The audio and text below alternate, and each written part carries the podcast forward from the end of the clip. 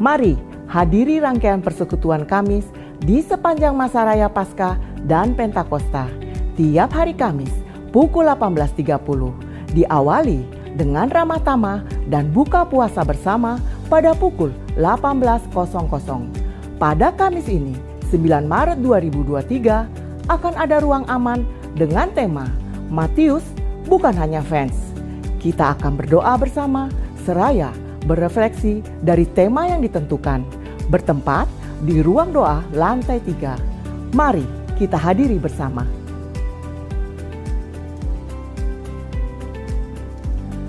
Di tengah banyaknya tawaran investasi dan bisnis, kadang kita sulit membedakan mana yang benar dan tidak. Akibatnya, banyak yang terjerat hutang piutang, mengalami kepailitan, dan terjebak investasi bodong. Sehingga tidak jarang akhirnya harus berurusan dengan hukum.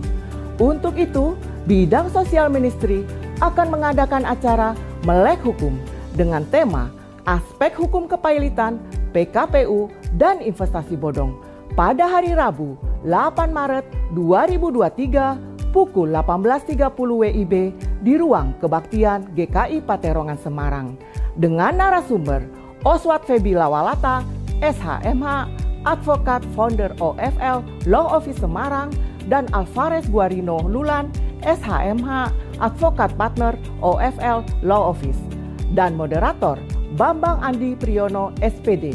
Acara ini juga dapat diikuti melalui kanal YouTube GKI Paterongan pada jam yang sama.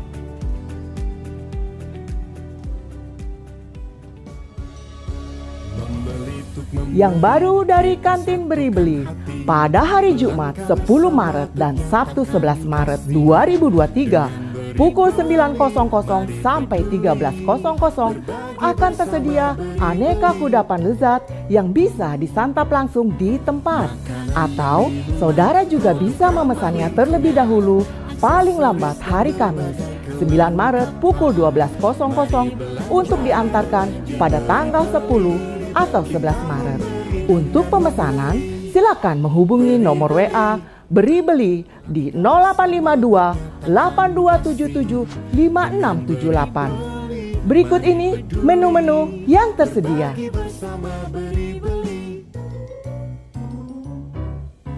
Makanan dan minuman, produk ramah lingkungan, Mari saudara, ajak keluarga dan teman-teman untuk makan bersama dan saling berbagi kisah di kantin beri-beli. Karena dengan membeli, kita memberi. Kiranya Tuhan memberkati kita sekalian.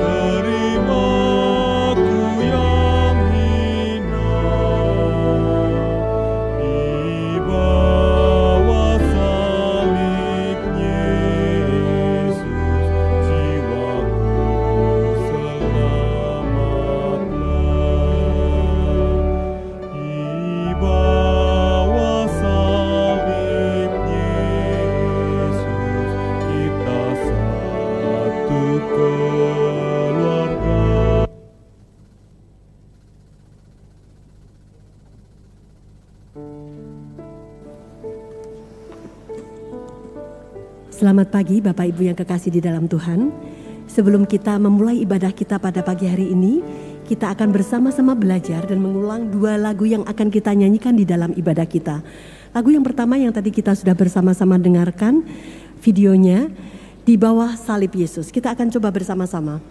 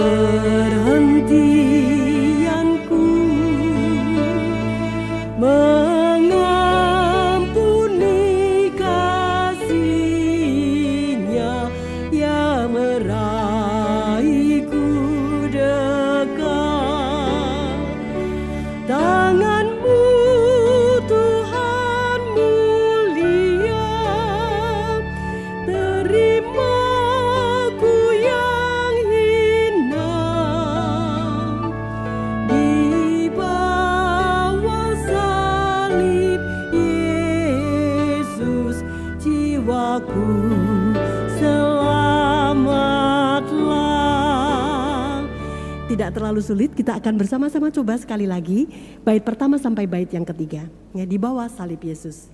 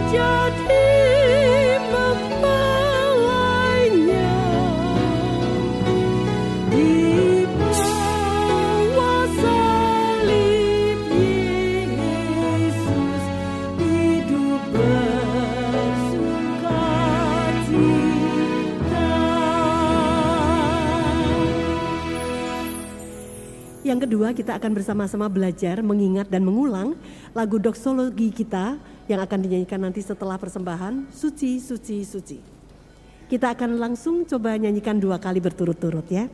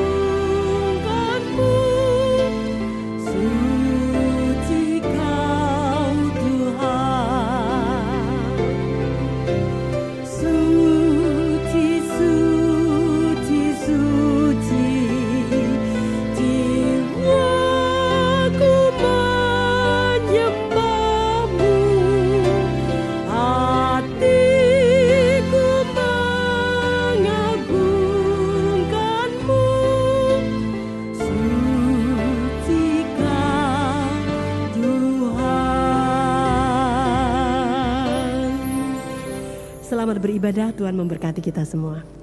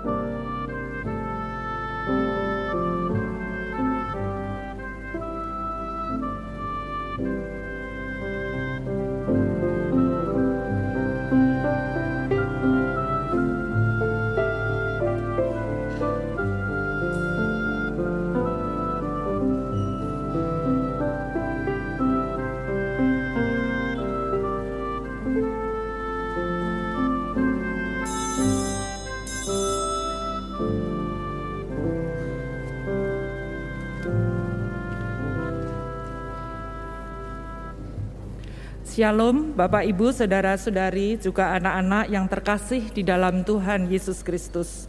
Selamat pagi, selamat berjumpa kembali dalam kebaktian Minggu GKI Peterongan, baik secara onsite maupun online. Ibadah pada hari ini, firman Tuhan akan dilayankan oleh Pendeta Rinta K. Gunawan. Dan sebelum kita bersama-sama memulai kebaktian pada minggu ini, ada beberapa hal yang perlu diperhatikan. Yang pertama, demi kenyamanan dan kesehatan bersama, selama mengikuti ibadah di gedung gereja, jemaat tidak diperkenankan melepas masker. Yang kedua, saudara yang merasa kurang sehat diharapkan untuk mengikuti ibadah secara online. Kini saya mengajak setiap kita untuk mengambil waktu sejenak sebelum kita memasuki ibadah pada hari ini.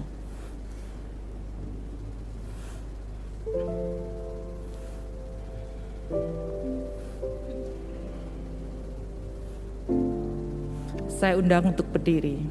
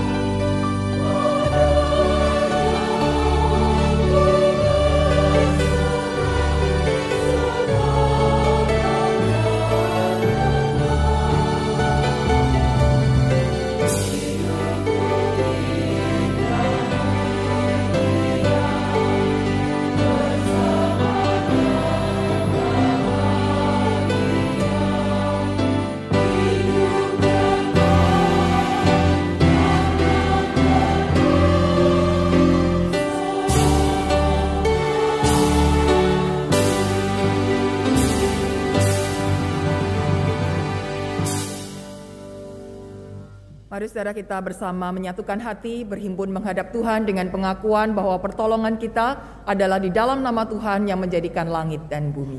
Amin.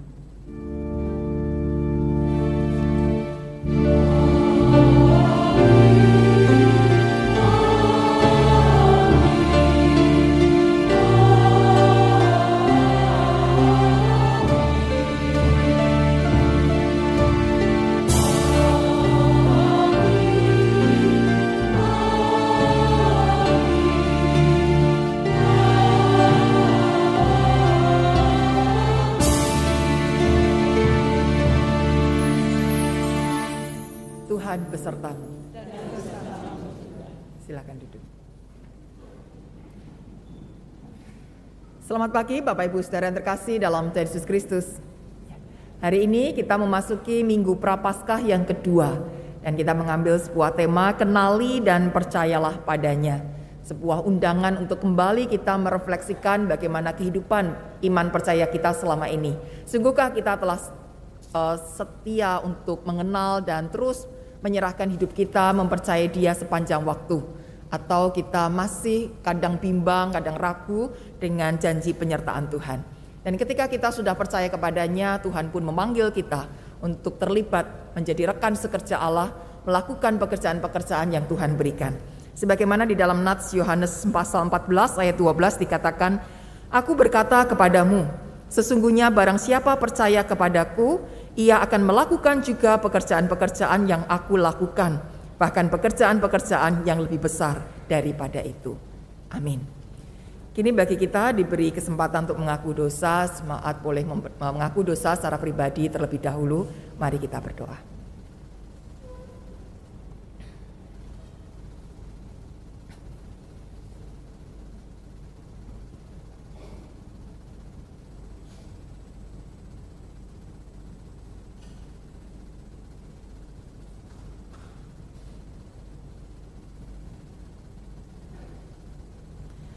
Bapa kami di surga, kami sungguh berbahagia kalau Tuhan berkenan mengundang kami untuk percaya kepada Tuhan.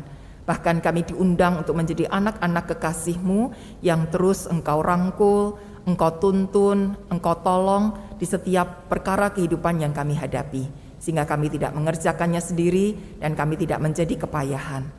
Namun Tuhan kami juga mohon ampun jikalau undangan Tuhan itu kadangkala kami anggap sepele kami sia-siakan dan tidak kami jawab dengan sepenuh hati sehingga kami tidak sungguh-sungguh menyerahkan hidup dalam pimpinan tangan kasih-Mu melainkan kami masih mencoba mencari jalan kami sendiri. Kami masih mencoba untuk mengunggulkan keinginan-keinginan dan rancangan-rancangan kami. Kami masih mencoba untuk memaksa bahwa keinginan kamilah yang dituruti dan bukan kehendak Tuhan. Ampuni pula ya Papa kalau karena kami belum sungguh-sungguh mempercayai Tuhan maka kami juga belum sungguh mempercayai akan panggilan Tuhan. Pekerjaan-pekerjaan yang Engkau berikan kepada kami tidak dengan segera kami lakukan, tetapi kami letakkan, kami tunda karena kami masih punya banyak kepentingan lain yang terasa lebih menyenangkan, lebih ringan, atau lebih mudah untuk kami kerjakan. Tuhan Yesus pada pagi hari ini melalui sebuah tema dan perenungan akan firman Tuhan, kiranya kami diingatkan lagi bagaimana hidup uh, setia mengikut Engkau dan terus setia mempercayai Tuhan. Sehingga kami tidak terus menuruti hawa nafsu duniawi yang ada, tetapi kami hidup berpadanan dengan kasih Kristus.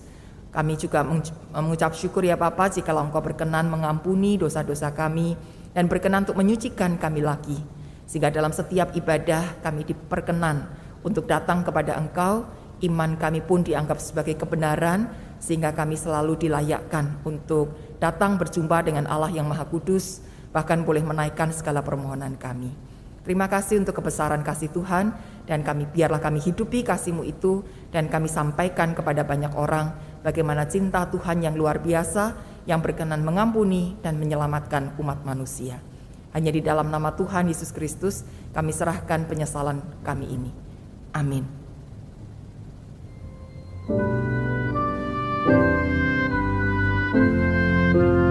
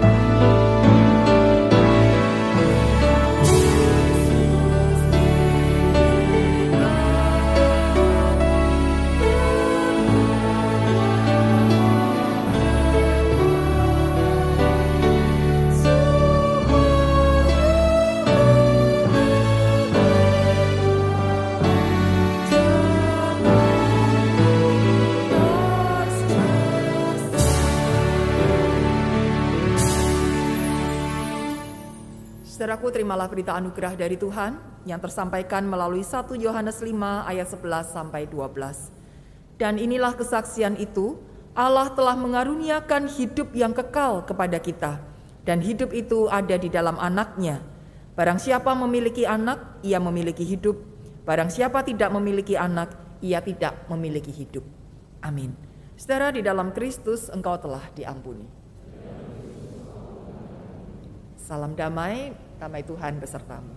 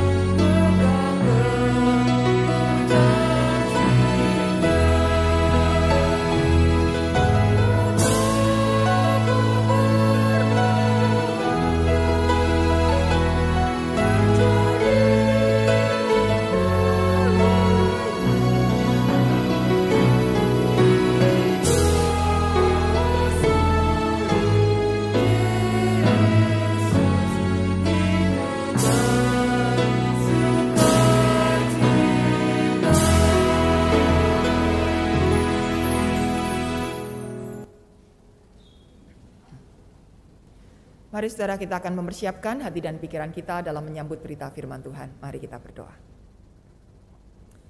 Biarlah hati kami selalu bersuka cita untuk menyambut berita firman Tuhan, karena hanya firman mula kebenaran yang sejati, yang sanggup untuk memberikan tuntunan dalam setiap langkah hidup kami, memberikan penghiburan dan kekuatan manakala kami menghadapi berbagai persoalan kehidupan, dan juga menolong kami untuk selalu berjalan di jalan yang benar.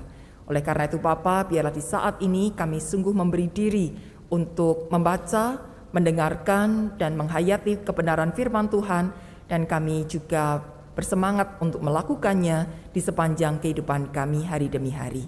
Tolonglah kami ya Bapa untuk disingkirkan dari segala godaan yang membuat hati kami berpaling dari firman Tuhan. Biarlah roh hikmat Tuhan sendiri yang bekerja atas kami agar kami mampu memusatkan perhatian, mampu memahaminya, dan juga mampu melakukannya. Hanya di dalam nama Tuhan Yesus Kristus kami berdoa. Amin.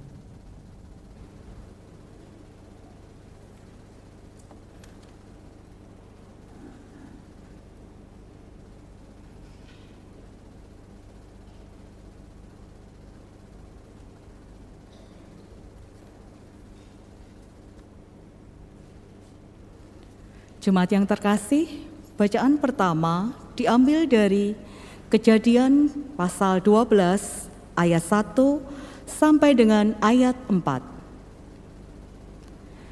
Kejadian pasal 12 ayat 1 sampai dengan ayat 4.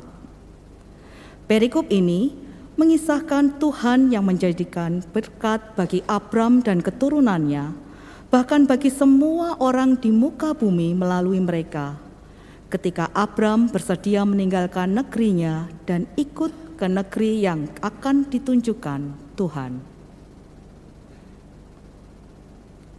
Beginilah firman Tuhan. Berfirmanlah Tuhan kepada Abram, Pergilah dari negerimu dan dari sanak saudaramu dan dari rumah bapamu ini ke negeri yang akan kutunjukkan kepadamu Aku akan membuat engkau menjadi bangsa yang besar dan memberkati engkau serta membuat namamu masyur dan engkau akan menjadi berkat. Aku akan memberkati orang-orang yang memberkati engkau dan mengutuk orang-orang yang mengutuk engkau. Dan olehmu semua kaum di muka bumi akan mendapat berkat. Lalu pergilah Abraham seperti yang difirmankan Tuhan kepadanya. Dan Lot pun ikut bersama-sama dengan dia. Abram berumur 75 tahun ketika ia berangkat dari Haran. Demikianlah firman Tuhan.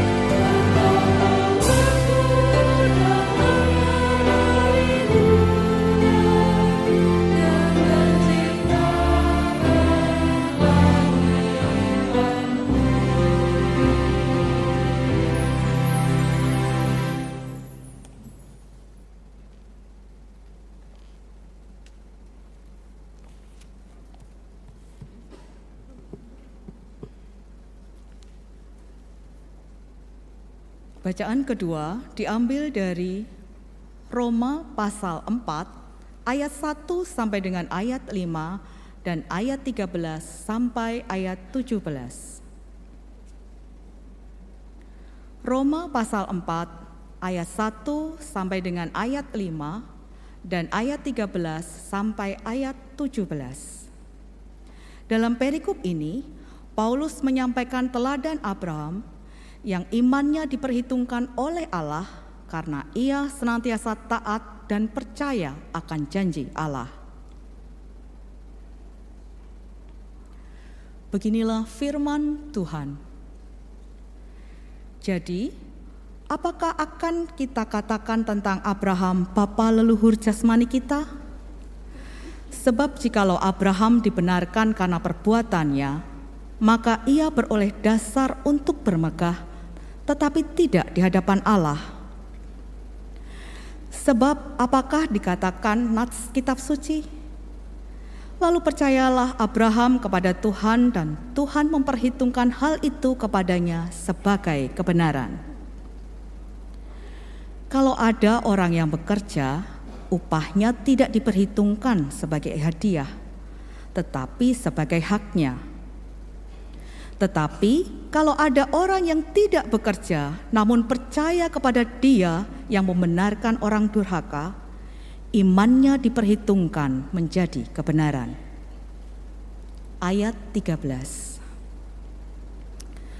Sebab bukan karena hukum Taurat telah diberikan janji kepada Abraham dan keturunannya bahwa ia akan memiliki dunia, tetapi karena kebenaran berdasarkan iman Sebab jika mereka yang mengharapkannya dari hukum Taurat menerima bagian yang dijanjikan Allah, maka sia-sialah iman dan batalah janji itu. Karena hukum Taurat membangkitkan murka, tetapi tidak di mata, tetapi di mana tidak ada hukum Taurat, di situ tidak ada pelanggaran. Karena itulah kebenaran berdasarkan iman supaya merupakan kasih karunia, sehingga janji itu berlaku bagi semua keturunan Abraham, bukan hanya bagi mereka yang hidup dari hukum Taurat, tetapi juga bagi mereka yang hidup dari iman Abraham.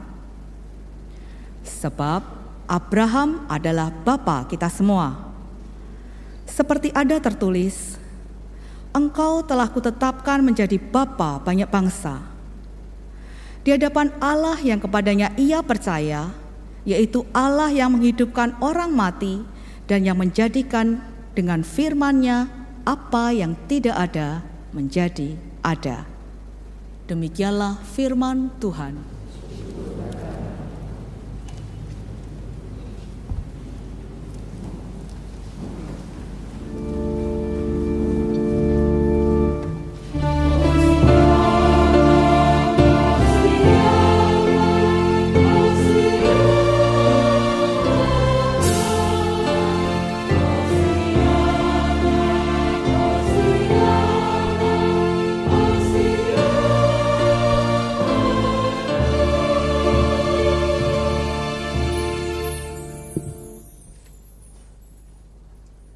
Saudara dengarkanlah Injil Tuhan kita Yesus Kristus menurut Yohanes pasal 3 ayat 1 sampai 17.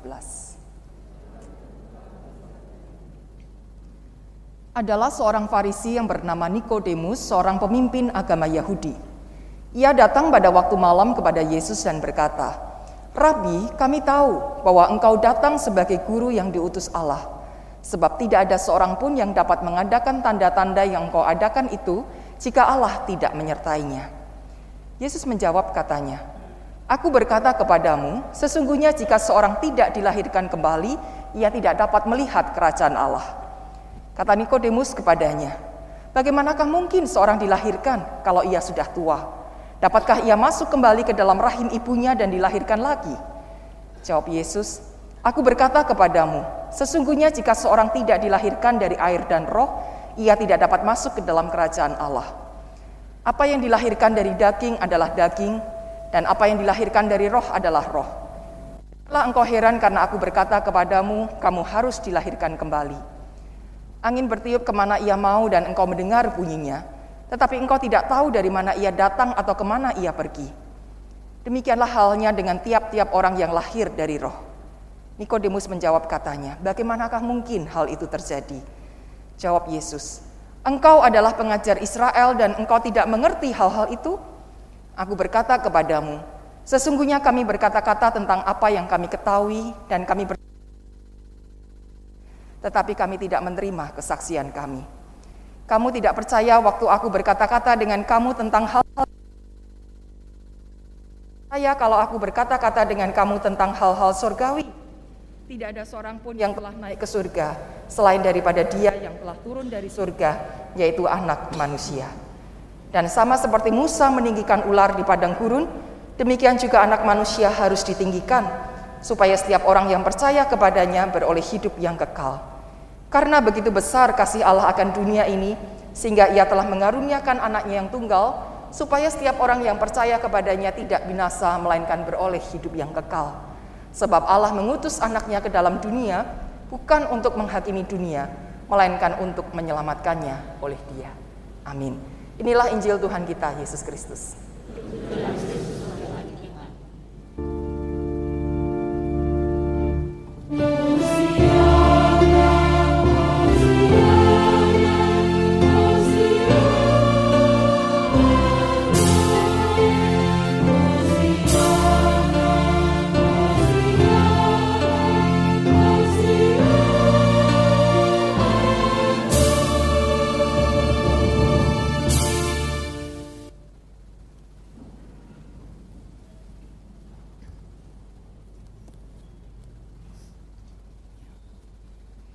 Saudara, tema kita kenali dan percayalah padanya. Kalau kita bicara dalam kehidupan kita sehari-hari, ada berapa banyak sih orang yang kita kenal? Saudara sempat menghitung berapa banyak kenalan kita. Dalam satu ruangan ini, apakah berapa banyak yang kita kenal? Atau mungkin pertanyaan, ada nggak ya yang kita kenal? Coba lihat tengok kanan kirinya, depan belakang, kenal nggak ya? Kadang-kala lucu saudara ya, satu kali saya masuk ke sebuah persekutuan, saya lihat orang-orang tuh ngobrol dengan akrab gitu ya. Sedangkan saya cuma kenal satu dua orang saja. Lalu saya dekati orang yang saya kenal itu dan saya tanya, Bu, yang itu tuh namanya siapa ya? Gitu. Karena saya lihat tadi dia sudah akrab banget ngobrol gitu. Lalu ibu itu mengatakan, oh iya ya, siapa ya namanya ya? Ternyata dia juga nggak tahu saudara namanya. Karena malu itu dia mengatakan, ya saya cuma kenal-kenal aja kok. Karena dia sering datang juga persekutuan ini, jadi ya kita ngobrol, tapi saya nggak kenal namanya. Jadi kadang kala saudara kenal itu ada ada levelnya, saudara ada tingkatannya. Ada yang kenal aja, ada yang kenal banget gitu. Nah kalau kenal aja itu ya sebatas tahu, mungkin ya tahu namanya, tapi tidak mengenal secara lebih mendalam orangnya tuh seperti apa sih, senangnya apa begitu ya, pekerjaannya apa gitu, mungkin kita nggak terlalu kenal. Nah ketika kita berada di dalam sebuah keluarga saudara, apakah satu dengan yang lainnya itu sungguh-sungguh saling kenal, kenal banget gitu, atau jangan-jangan baru sebatas kenal aja. Para suami kenal nggak sama istrinya? Oh ya pasti toh ya, namanya saya tahu gitu ya, tanggal lahirnya tahu, tahu nggak tanggal lahir istrinya, tanggal ulang tahunnya. Kalau istrinya sudah mulai cemberut-cemberut, nah itu berarti hari itu dia ulang tahun tapi suaminya nggak inget. Gitu. Tanggal pernikahannya inget gak? Kalau suami orang laki itu biasanya nggak terlalu inget dengan hal-hal seperti itu gitu ya. Tapi ya sudahlah itu cuma soal data saudara. Tapi bagaimana ketika istri itu mulai menangis? Suami-suami kenal nggak tangisan istrinya? Apakah ini tangisan bombay? Ya, tangisan yang dibuat-buat, tangisan karena memang ya hobinya menangis gitu ya atau memang tangisan sebuah jeritan hati. Karena dia sudah saking nggak tahan dengan persoalan yang ada maka dia menangis. Karena tubuhnya sudah terlalu letih terlalu sakit maka dia menangis. Ada banyak suami gagal memahami tangisan istrinya sehingga menuduh istrinya itu memang hobinya nangis. Nangisnya itu dibuat-buat melemah ya sukanya minta dikasihani mengada-ngada nangisnya dibuat senjata biar dituruti dan seterusnya Padahal waktu itu memang dia sungguh-sungguh sudah menjerit, nggak tahu lagi harus bisa apa-apa dan bahasanya adalah bahasa air mata, bahasa tangisan. Nah para istri, kenal nggak dengan suaminya? Nah, mungkin istri-istri kalau ditanya soal data lebih hafal ya. Jangankan tanggal ulang tahun suaminya, tanggal ulang tahun saudara-saudara suaminya aja hafal. Ya. Jangankan tanggal pernikahan, tanggal pertama kali ketemu dengan dia juga hafal. Ya. Tapi nggak cukup sampai di situ. Para istri kenal enggak? Ketika suamimu diajak melakukan sesuatu atau berjumpa dengan seseorang dan dia mengatakan tidak, Apakah tidaknya itu sekedar karena males, wegah, lagi capek begitu? Atau sebetulnya ada harga diri yang sedang terganggu kalau dia melakukan hal tersebut. Ada trauma yang belum selesai kalau harus berjumpa dengan seseorang itu. Tapi para suami biasanya tidak mau mengungkapkan apa sih yang menjadi kegelisahannya. Dia hanya mengatakan tidak. Nah kalau sudah tidak itu ya stop di situ ya. Jangan para istri ini kemudian merengek, ayolah sebentar aja, ayolah sekali ini aja please gitu ya. Terus merengek sampai akhirnya kata tidak ini makin keras atau bahkan berubah menjadi pertengkaran. Nah kalau kita tidak saling mengenal saudara dampaknya memang akan menjadi banyak salah paham. Salah paham yang terus menerus akan menimbulkan pertengkaran. Pertengkaran yang makin hebat akhirnya menimbulkan perpecahan entah itu dalam relasi antar anggota keluarga atau juga dalam persahabatan, dalam rekan kerja dan sebagainya. Saling memahami itu membutuhkan saudara kerendah hatian untuk kita mau mendalami lagi siapa sih orang ini. Kita tidak hanya tahu kulit-kulit luarnya saja, kita tidak hanya tahu data-data secara lahiriah, tetapi betul-betul menyelami apa yang menjadi isi hatinya. Dan kenapa ini butuh kerendah hatian saudara? Karena ini ibarat kalau kita mau menemukan sebuah harta karun, kita sudah tahu nih harta karunnya di dalam tanah ini dan kita, tapi kita nggak tahu nih dalamnya berapa meter. Ketika kita mulai menggali tanah, yang terjadi apa? Tubuh kita akan kotor. Kan tidak ada yang tanah yang bersih ya. Tanah itu kotor, saudara. Tangan kita mulai terkena cipratan-cipratan tanah itu. Makin dalam akhirnya cipratan itu makin banyak mengenai seluruh tubuh kita. Kita sudah gali terus kok tanah lagi, tanah lagi, kotor lagi, kotor lagi. Kapan ini dapatnya? Kalau kita menyerah ya harta karun itu tidak akan pernah kita temukan. Tapi kalau kita bersedia terus menggali, akhirnya kita akan menemukan bongkahan emas dan kita bersuka cita, ah ini dia sesuatu yang mahal nilainya. Demikian juga saudara kalau kita hidup bersama-sama dengan orang lain. Kalau dia orang yang kita ketemunya cuma setahun sekali atau bahkan 10 tahun sekali, ya nggak kenal-kenal amat gak apa-apa lah. Karena kemungkinan untuk gesekannya memang kecil, nah nggak pernah ketemu. Tapi kalau orang-orang yang relasinya begitu dekat dengan kita, orang yang sehari-hari kita jumpai, tapi kita tidak mengenalnya secara dalam, lah ini bencana saudara. Pasti pertengkaran demi pertengkaran itu akan menyelimuti kehidupan kita. Dan apa enaknya? Seringkali kita menjadi tidak damai, kita menjadi rasanya capek ya menjalani hidup ini karena tiap hari yang keluar dari mulut kita adalah pertengkaran-pertengkaran dan apa yang kita dengarkan juga adalah kata-kata yang keras. Maka kita harus bersedia untuk mengupas, menggali lebih dalam. Ini butuh waktu, butuh kesabaran, butuh ketenangan, butuh kesediaan mendengar lebih dalam lagi sampai akhirnya kita betul-betul mengenal orang yang ada di sekitar kita. Dan ketika kita sudah mengenalnya maka akan timbul trust, rasa percaya. Salah paham-salah pahamnya berangsur-angsur hilang, negatif thinkingnya juga makin hilang saudara. Karena sekarang kita tahu siapa dia Kenapa dia menangis? Kenapa dia bilang tidak? Kenapa untuk hal ini dia berani, tapi untuk hal yang lain takut? Ah, soal sepele gini aja loh, kok takut sih? Ah, gini aja kok kamu males sih? Tidak akan ada lagi tuduhan-tuduhan begitu, saudara. Karena kita ngerti apa yang membuatnya takut. Buat kita ini nggak bukan masalah, tapi buat dia masalah banget. Kenapa? Karena ada masa lalu yang melatar belakangi semuanya itu dan kita kenal. Maka kita tidak lagi memaksanya untuk melakukan ini dan itu, atau untuk mengatakan ini dan itu. Percaya dan tentu akan timbul rasa kasih. Nah demikian juga saudara di dalam kehidupan kita bersama dengan Tuhan. Sejauh mana kita mengenalinya. Nah menarik kita melihat dari kisah Abraham. Abraham seorang yang tadinya tidak terlalu kenal Tuhan. Ya tahu secara umum sajalah gambaran bahwa di alam semesta ini ada sosok yang ilahi di luar dari diri kita yang begitu hebat, yang punya kuasa mengatur seluruh alam semesta, ya tahu. Semua orang tahu ada sosok yang seperti itu. Tetapi bahwa pembicaraan secara pribadi, apa yang menjadi kehendak dari yang ilahi itu nggak tahu saudara. Abraham pun belum pernah berelasi, membangun relasi yang begitu intim dan pribadi bersama dengan Allah. Jadi ketika satu kali Allah berbicara kepadanya, pergilah dari sanak saudaramu, aku akan membuatmu menjadi bangsa yang besar dan seterusnya. Itulah pertama kali Allah menjumpai Abraham secara pribadi. Itulah pertama kalinya Abraham mulai mendengarkan suara Tuhan secara pribadi. Herannya Abraham langsung percaya dan langsung taat kepada apa yang disampaikan oleh Tuhan.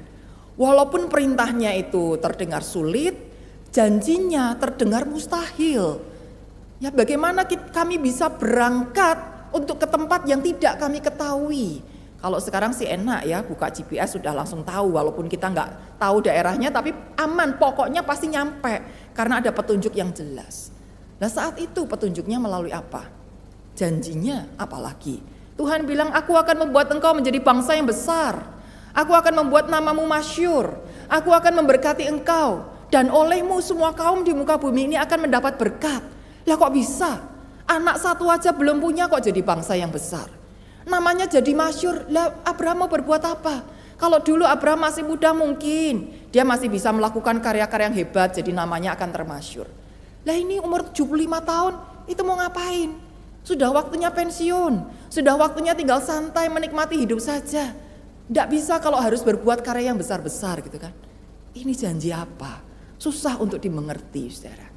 Tetapi herannya Abraham betul-betul langsung percaya dan mau taat. Ada sebuah lompatan yang luar biasa dari kerendah hatian Abraham untuk sungguh-sungguh percaya walaupun saya belum nangkep maksudnya Tuhan. Tapi yang ngomong kan Tuhan. Yang ngomong itu sosok yang ilahi. Yang pasti kuasanya besar sekali untuk bisa menjalankan apa yang dia perintahkan itu. Ini bukan ngobrol antar manusia loh. Yang ngomong ini bukan istrinya, yang ngomong bukan ayahnya, bukan kakeknya, yang ngomong bukan tetua-tetua yang diseniorkan, tapi yang ngomong ini Tuhan Allah sendiri. Walaupun Abraham belum mengerti, Abraham belum nangkep maksudnya Tuhan, Abraham belum tahu nanti caranya bagaimana, yang penting percaya dulu. Pertama-tama yang diserahkan kepada Tuhan adalah iman percayanya. Dan maka ini bukan sekedar rendah hati, tetapi bahkan kesediaan untuk menyerahkan diri. Saya berserah Tuhan, dipimpin ke mana pun saya manut. Tuhan mau buat apa pun dalam kehidupanku, manut. Berserah, terserah Tuhan. Tanganku, kakiku, hatiku, hidupku sudah diserahkan kepada Tuhan. Eh, baru setelah itu Abraham berproses untuk mengenal Tuhan secara lebih dalam. Saat pertama Abraham mengatakan ya percaya mau berangkat, bukan berarti lalu Abraham sudah langsung kenal seluruh isi hati Tuhan. Ada saatnya dia gagal, ada saatnya kemudian dia bimbang, ragu bener gak ya? Ketika kemarin aku bilang ya itu saja ini bener tenan apa enggak gitu ya. Mulai bimbang, mulai ragu-ragu, nggak apa-apa tapi di situ Abraham mulai berproses, bertanya jawab, bergumul bersama dengan Tuhan untuk mengenali lagi siapa Tuhan itu. Nah saudara, ketika kita melihat apa yang dilakukan oleh Abraham ini, maka Tuhan menyatakan Abraham ini sebagai bapak orang percaya atau bapak segala bangsa dan juga memperhitungkan imannya sebagai kebenaran. Maksudnya apa? Dalam Roma pasal 4 tadi dijelaskan kalau ada orang yang bekerja lalu dapat sesuatu, nah itu lumrah karena itu menjadi upahnya. Kerja lalu dapat upah. Tetapi kalau orang nggak kerja apa-apa, nggak melakukan apa-apa, tapi kemudian mendapatkan sesuatu itulah hadiah atau anugerah.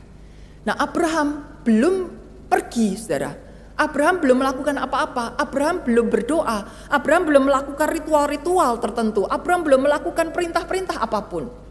Tapi pertama-tama Abraham langsung percaya. Tidak mengerjakan apa-apa, dia percaya kepada Tuhan.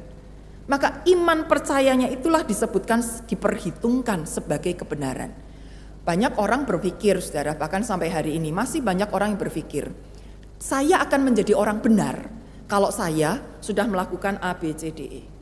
Kalau saya sudah menaati perintah A, B, C, D, E, maka saya akan dianggap orang benar.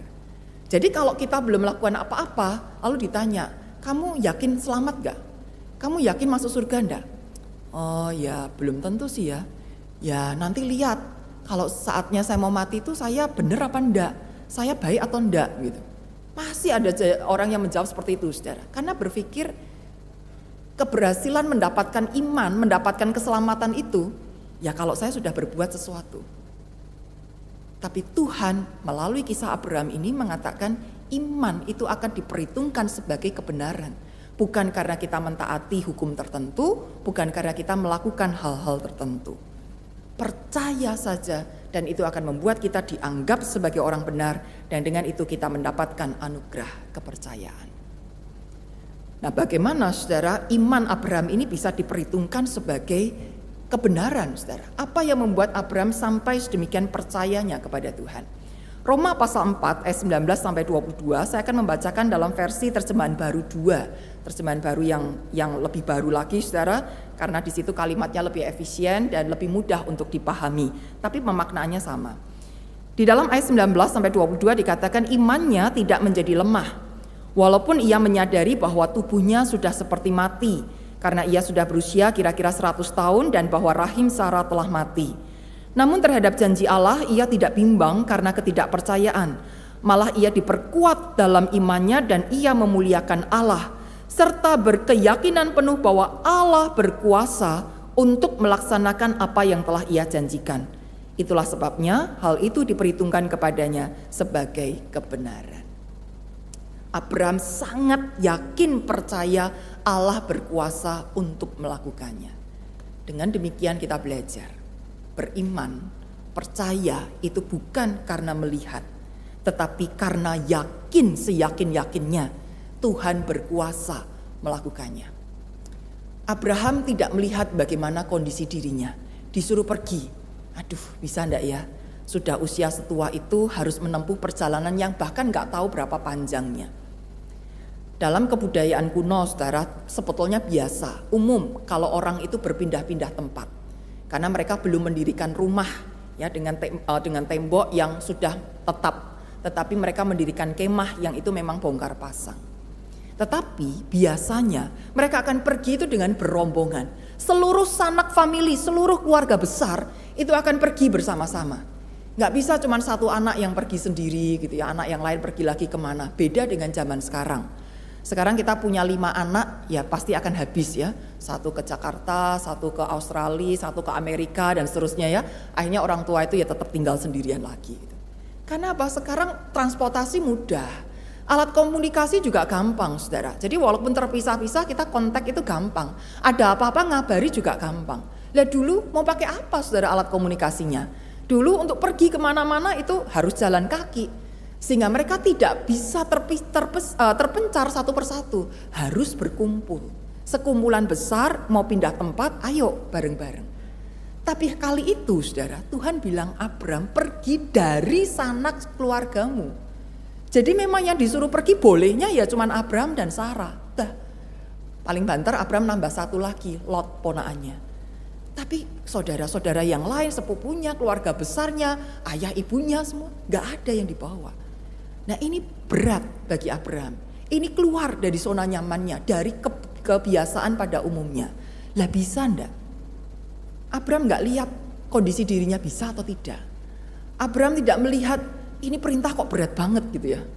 Abraham tidak melihat kondisi-kondisi yang ada pada saat itu, tapi dia betul-betul percaya kalau Tuhan sudah kasih perintah ini ya pasti aku dimampukan untuk menjalaninya. Kalau Tuhan sudah kasih janji ini walaupun rasanya mustahil, ya pasti entah gimana ditepati. Dengan demikian pula dengan kehidupan kita saat ini, saudara. Apakah kita percaya kepada Tuhan kalau sudah melihat ada loh jalan keluarnya? Oh solusinya begini, kalau saya sakit dokter mengatakan ya nanti bisa sembuh kalau dioperasi. Nanti bisa sembuh dengan minum obat ini. Yakin pasti sembuh. Ya kalau rutin minum obatnya bisa sembuh. Nah kita langsung mantep, ah percaya terima kasih Tuhan engkau memberikan kesembuhan buat aku gitu ya. Karena apa? Sudah lihat jalannya, baru kita percaya. Bagaimana kalau sebaliknya? Ketika kita sakit, berobat ke mana-mana dan selalu jawabannya sama, nggak ada obatnya. Ini susah, bahkan akan terus mengalami penurunan. Kita percaya Tuhanku baik, Tuhanku memberkatiku, Tuhan menyertaiku, atau kita mulai berpikir ulang, di mana Tuhan? Bagaimana janji Tuhan? Akankah dia tetap menyertaiku dan seterusnya? Bukankah kadangkala kita melihat sesuatu dulu baru kita menentukan saya akan percaya atau tidak. Ketika kita melihat bahwa masalah ini begitu besarnya sampai tidak ada jalan keluar, lalu iman kita menjadi lemah. Atau ketika kita melihat ada banyak orang yang cuek dengan persoalan kita, sudah minta tolong sana didiemin, minta tolong ke situ nggak dibantuin, minta ke sana apalagi gitu ya. Dan kita merasa lalu pertolongan Tuhan datangnya dari mana gitu. Masa iya sih langsung dari langit turun kan tidak mungkin. Biasanya Tuhan menolong kan lewat orang-orang sekitar kita gitu ya. Tapi ini semua yang kenal yang kemungkinannya menolong sudah saya tanyain semua tidak ada yang bisa nolong atau tidak ada yang menolong. Masihkah pertolongan itu ada? Abraham mengajak meneladani kepada kita percaya bukan karena melihat tapi karena yakin Tuhan berkuasa. Jadi walaupun rasanya mustahil, tetaplah percaya. Dan kepercayaan itu juga berarti kesediaan untuk melepas keinginan kita dan berserah pada rancangannya. Meskipun Abraham mungkin sudah punya rencana menjalani hari tuanya seperti apa di tanah kediamannya bersama dengan orang-orang yang dia kenal dan dia cintai. Tapi kalau memang Tuhan menentukan lain, ya sudahlah, dilepas. Keinginan, cita-cita masa tuanya itu dilepas, ya enggak apa-apa. Mungkin kita sedang mendoakan sesuatu, Tuhan aku ingin ini, Tuhan aku ingin melakukan itu, tolong berkati. Kita akan menjadi bersuka cita kalau keinginan kita terkabul ya, kalau rencana-rencana kita lancar. Tapi bagaimana ketika ternyata rancangan kita ini betul-betul tidak terlaksana? Ya, ketika keinginan kita ini tidak membuahkan hasil apa-apa, apakah kita akan tetap percaya bahwa rancangan Tuhan itu akan jauh lebih indah dari apa yang kita bisa pikirkan? Abraham melepaskan keinginannya dan berserah pada rancangannya. Nah, apakah ketika Abraham betul-betul percaya kepada Tuhan dan menyerahkan hidupnya pada pimpinan Tuhan, hidupnya lancar? Abraham jadi tambah pinter? Abraham terlepas dari macam-macam masalah? Ya tidak juga. Baru saja kejadian 12 itu yang mencatatkan bagaimana Abraham pergi menuruti perintah Tuhan, lalu mendirikan mesbah, berdoa, memanggil nama Tuhan. Eh, ada kelaparan di Israel di tanah Kanaan. Nah, benar toh? Ternyata negeri yang dijanjikan Tuhan itu bukan 100% baik, bukan 100% enak. Kelihatannya subur, kelihatannya bagus. Eh, lah kok ada kelaparan? Berarti kan kadang subur, kadang enggak ya. Kadang menjanjikan, kadang ingkar janji. Eh. Ini gimana? Akhirnya Abraham harus ngungsi. Tapi, tapi apakah kemudian Abraham protes, marah sama Tuhan? Ya enggak. Dia tetap percaya Tuhan memberkatinya. Tuhan membuat namanya masyur. Jadi dia ditolong pada saat kelaparan itu terjadi. Apakah Abraham kemudian cerdas dalam uh, menyelesaikan persoalannya? Enggak juga. Ngungsi ke Mesir, ketemu banyak orang ditanya, ini siapa orang di sebelahmu? Itu adikku, padahal istrinya. Kedengaranlah berita itu ke Firaun, oh itu adiknya Abraham. Jadi nggak apa-apa diambil istri. Wah, ini Abraham sedang cari masalah, saudara ya. Kalau istrinya diambil orang, terus bagaimana janji Tuhan itu akan berlangsung dalam dirinya? Tapi Tuhan laki-laki menyelamatkan walaupun Abraham ceroboh. Walaupun Abraham kurang smart dalam menghadapi persoalan itu gitu ya. Apa pun kondisinya Abraham, dia lemah, dia punya kekurangan, dia tidak teliti, tidak hati-hati, tapi Tuhan tetap memimpinnya. Undangan untuk percaya sepenuhnya kepada Tuhan itu juga diberikan kepada kita. Roma 4 ayat 23 dan 24 ya. Karena kata-kata hal itu diperhitungkan kepadanya tidak ditulis untuk Abraham saja, tetapi ditulis juga untuk kita. Sebab kepada kita pun Allah memperhitungkannya karena kita percaya kepada Dia yang telah membangkitkan Yesus Tuhan kita dari antara orang mati. Kalau kita percaya, kita pun juga akan diperhitungkan sebagai kebenaran. Dan kita dianggap benar bukan karena kita sudah terampil melakukan banyak perintah Tuhan, Bukan karena kita sangat terampil dalam melakukan kegiatan pelayanan, bukan kalau saya pelayanan kalau pelayanan saya lebih hebat dari orang lain maka saya lebih benar dari orang lain tidak. Semuanya itu menjadi persembahan hidup kita kepada Tuhan atas pembenaran yang Tuhan berikan kepada kita. Jadi pertama-tama adalah percaya kepada Tuhan, baru kemudian melakukan yang lainnya. Nah, bagaimana kita menghidupi iman percaya kita kepada Tuhan? Mungkin saat ini kita sedang menghadapi hal-hal yang sulit untuk dimengerti. Kenapa sih begini? Kenapa dulu dia yang melamar saya itu kelihatannya sangat mencintai saya. Kelihatannya sinkron, jalan bareng itu enak. Ngobrol apa semuanya tuh gatok. Gitu. Ya. Tapi sekarang kok ribut terus itu. Kenapa ya? Kenapa ya suamiku jadi kayak begitu, istriku kayak begini? Kita ndak ngerti. Ada apa di situ?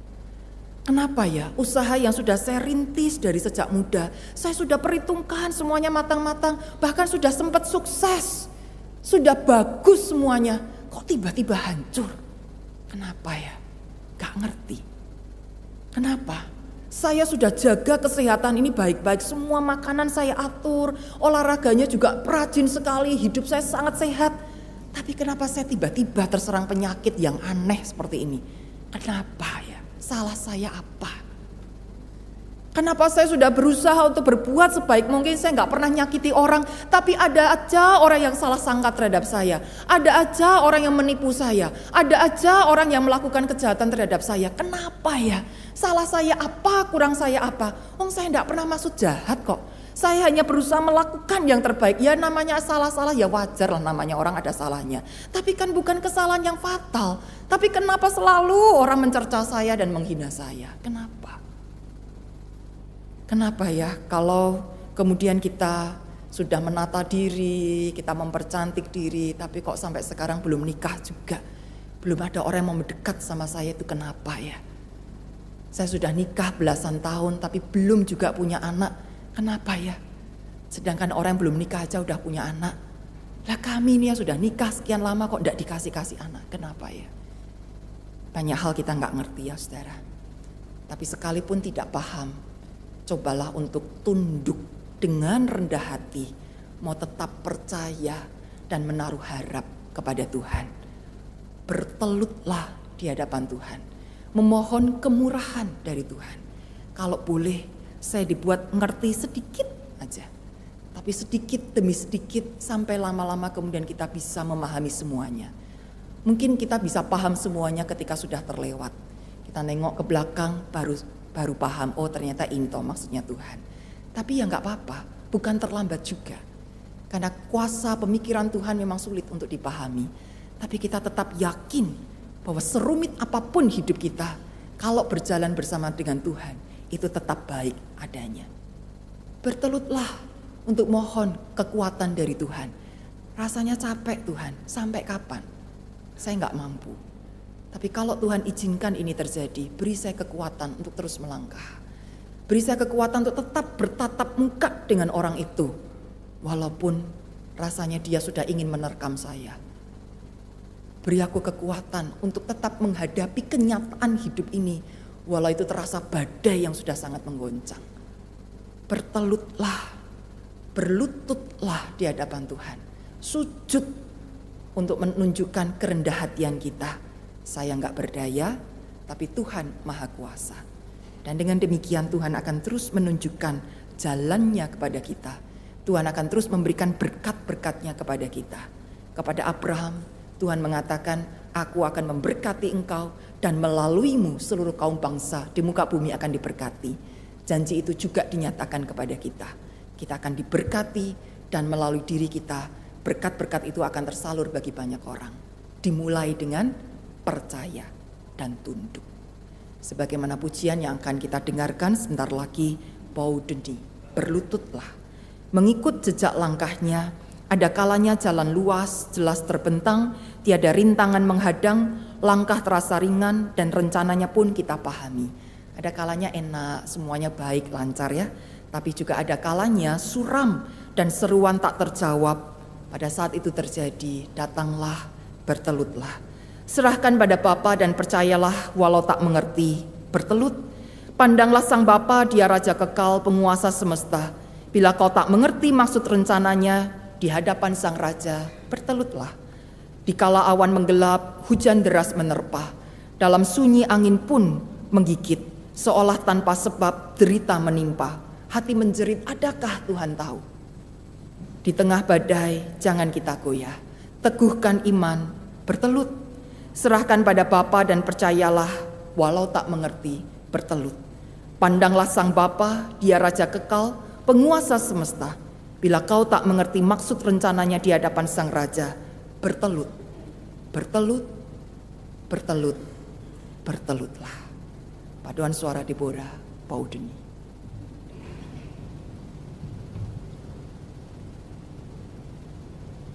Puja jaga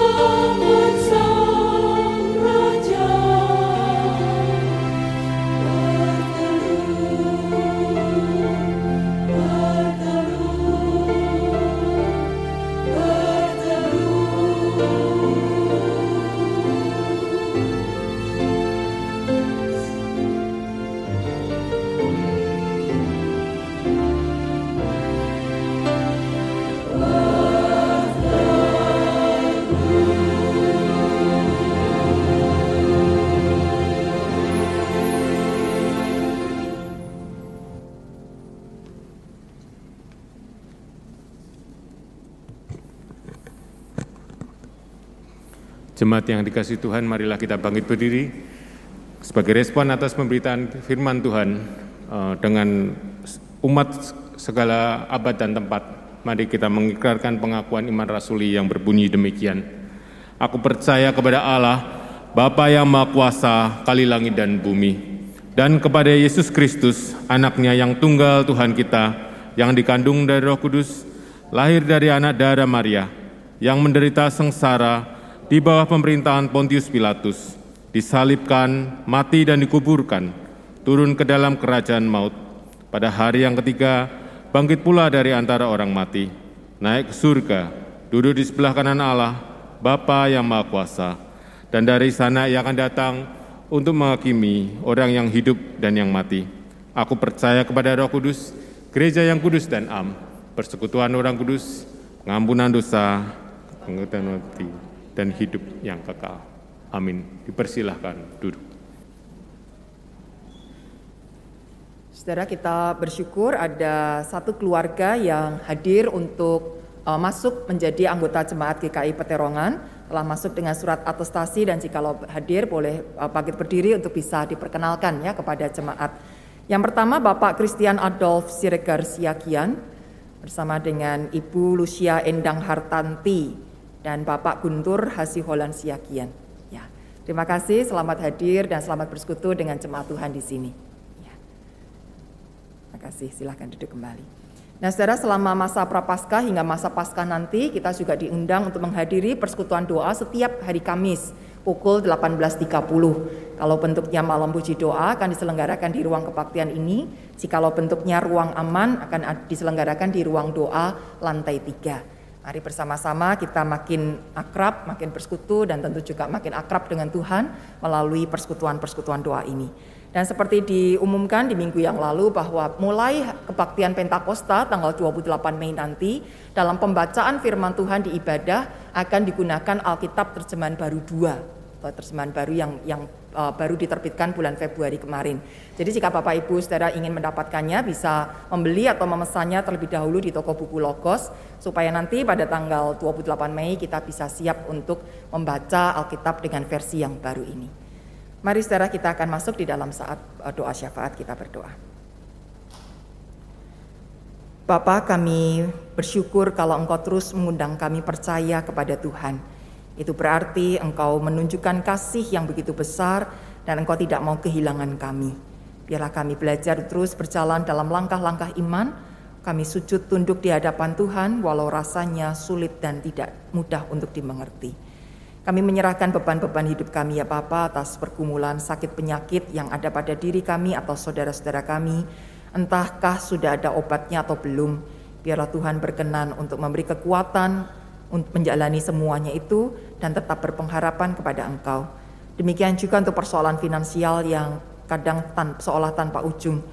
Ada uh, tanggung jawab-tanggung jawab yang masih harus kami selesaikan, tetapi penghasilan-penghasilan itu belum juga mencukup, mencukupi atas biaya-biaya yang harus kami keluarkan itu.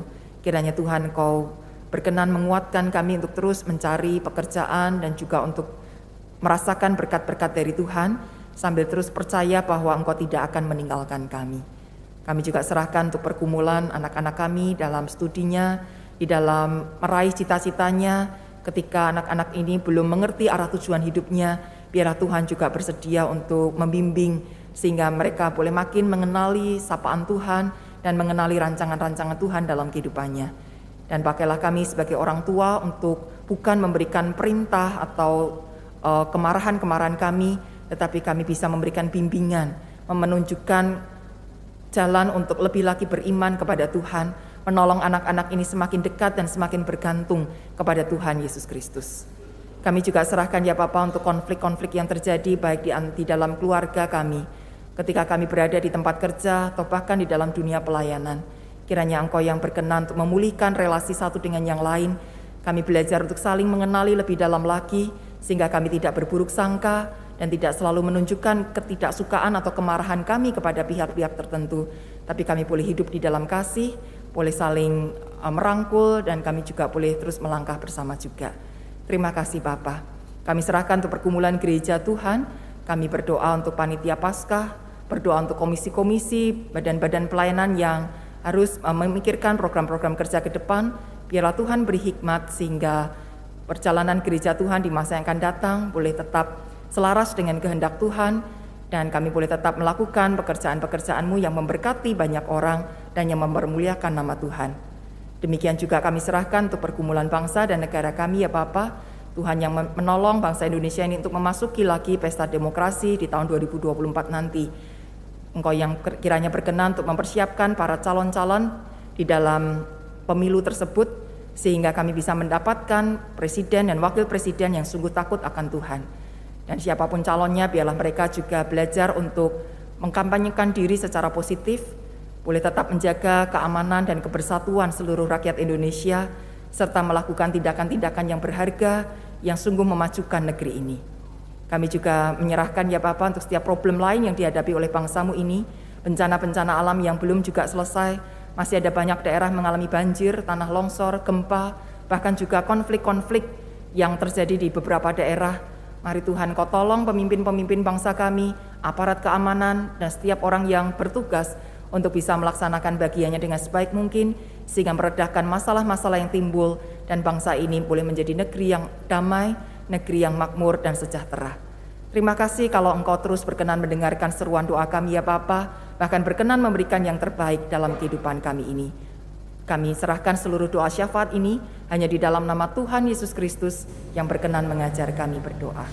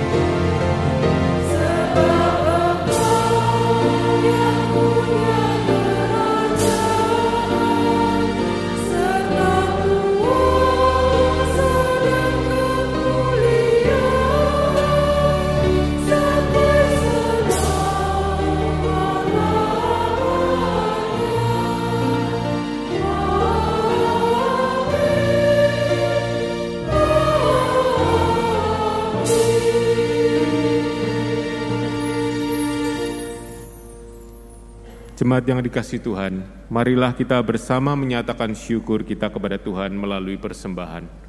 Sebagai pengingat bagi kita semua, saya akan membacakan nats persembahan yang diambil dari Mazmur 50 ayat 23. Siapa yang mempersembahkan syukur sebagai korban, ia memuliakan aku. Siapa yang jujur jalannya, keselamatan yang dari Allah akan kuperlihatkan kepadanya. Di mana pun saudara berada, saudara dapat memberikan persembahan minggu, persembahan bulanan, persembahan syukur, dan perpuluhan melalui yang pertama, transfer ke rekening bank yang tercantum di layar maupun di wata digital. Kedua, scan kris menggunakan aplikasi layanan keuangan digital yang ada. Untuk jemaat yang hadir pada saat ini di jemaat di GKI Peterongan, scan QRIS juga sudah tersedia di masing-masing kursi. Apabila saudara memberikan persembahan melalui transfer ATM dan QRIS, Tambahkan kode unik pada dua digit terakhir nominal persembahan saudara. Kode unik dapat dilihat di layar maupun di warta digital. Yang ketiga, memasukkan persembahan ke kotak persembahan yang tersedia di dekat pintu keluar seusai ibadah. Ataupun melalui kotak yang tersedia di kantor tata usaha gereja. Saudara dapat menggunakan amplop yang tersedia warna hitam untuk operasional dan pelayanan gereja, sedangkan untuk warna merah untuk pembangunan gedung Hermon. Mari kita bangkit berdiri.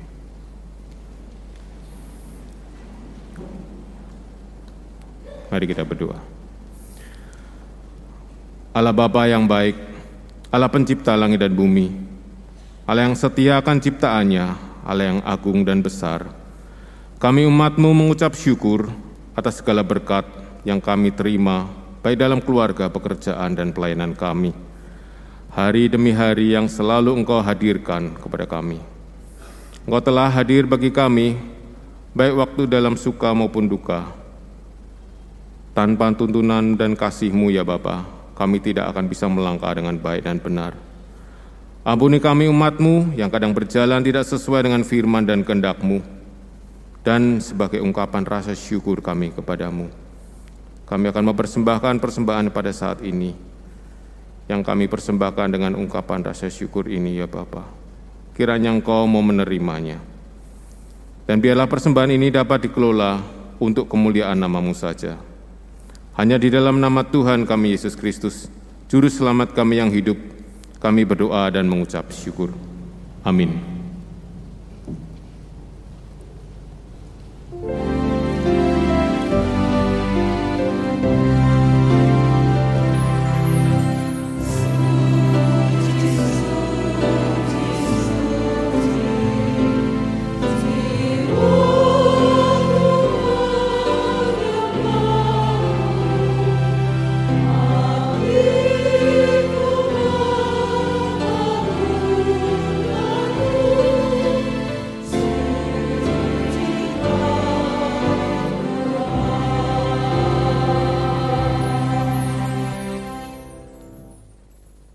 Saudara pilihan untuk percaya dan mengikut Yesus kadangkala menjadi pilihan yang tidak mudah.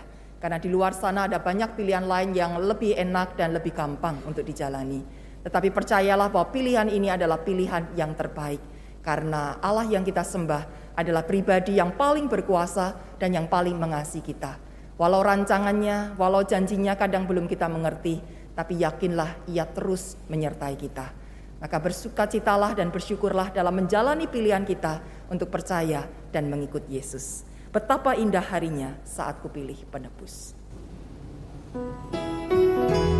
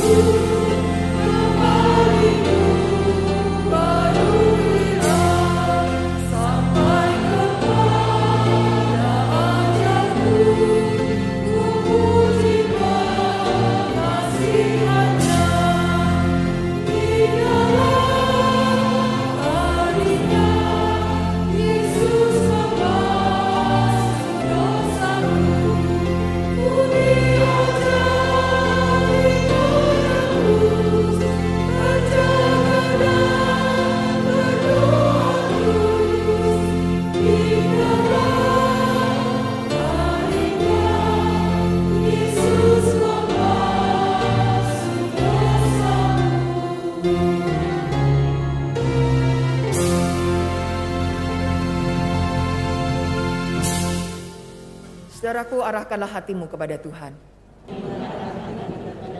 Jadilah saksi Kristus. Terpujilah Tuhan. Terimalah berkat Tuhan. Tuhan memberkati engkau dan melindungi engkau. Tuhan menyinari engkau dengan wajahnya dan memberi engkau kasih karunia. Tuhan menghadapkan wajahnya kepadamu dan memberi engkau damai sejahtera sampai selama-lamanya. Amin.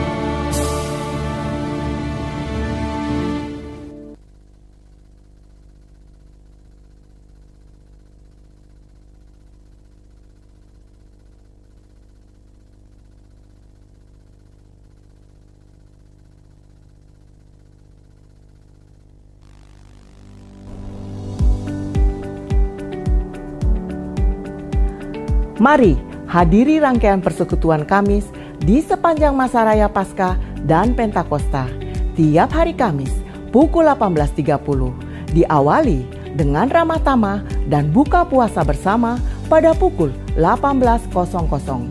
Pada Kamis ini, 9 Maret 2023 akan ada ruang aman dengan tema Matius bukan hanya fans. Kita akan berdoa bersama seraya berefleksi dari tema yang ditentukan, bertempat di ruang doa lantai tiga. Mari kita hadiri bersama.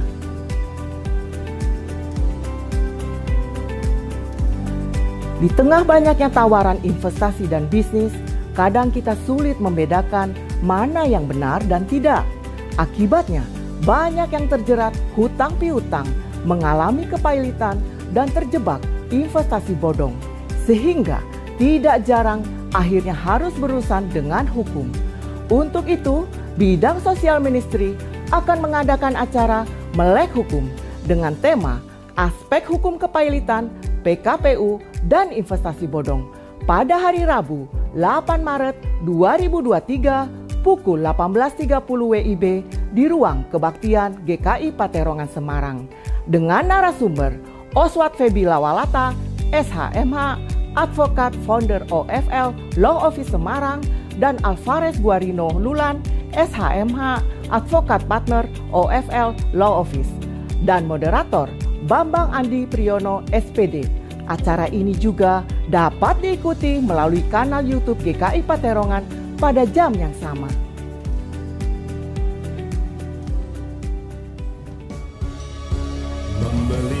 Yang baru dari kantin beri-beli pada hari Jumat 10 Maret dan Sabtu 11 Maret 2023 pukul 9.00 sampai 13.00 akan tersedia aneka kudapan lezat yang bisa disantap langsung di tempat. Atau saudara juga bisa memesannya terlebih dahulu paling lambat hari Kamis 9 Maret pukul 12.00 untuk diantarkan pada tanggal 10 atau 11 Maret. Untuk pemesanan, silakan menghubungi nomor WA beri beli di 0852 8277 5678. Berikut ini menu-menu yang tersedia.